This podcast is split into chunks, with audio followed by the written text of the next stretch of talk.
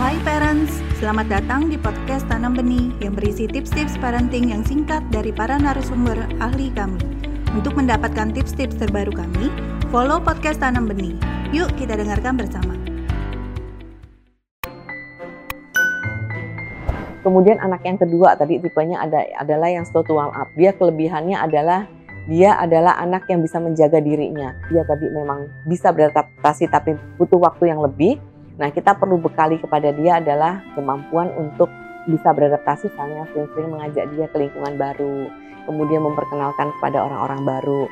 Kita perlu menekankan bahwa rasa aman itu ada di sisi dia dengan cara apa? Kita sebagai orang tua perlu mendampingi dan kemudian sering berkomunikasi kepadanya dengan cara yang memang tentunya masuk bagi dia gitu ya. Misalnya ada anak tertentu yang dia suka diajak bicara kalau dia lagi misalnya pulang sekolah saat kita menjemput. Nah, oleh karena itu kita banyak-banyakin eh, bercerita dengan dia mengenai bagaimana cara kita berinteraksi dengan orang, bagaimana orang itu baik sama dia, bagaimana dia harus berinteraksi sama orang, menjawab pertanyaan orang. Nah, itu kita latihkan pada saat misalnya perjalanan pulang saat di mobil saat kita menjemput dia.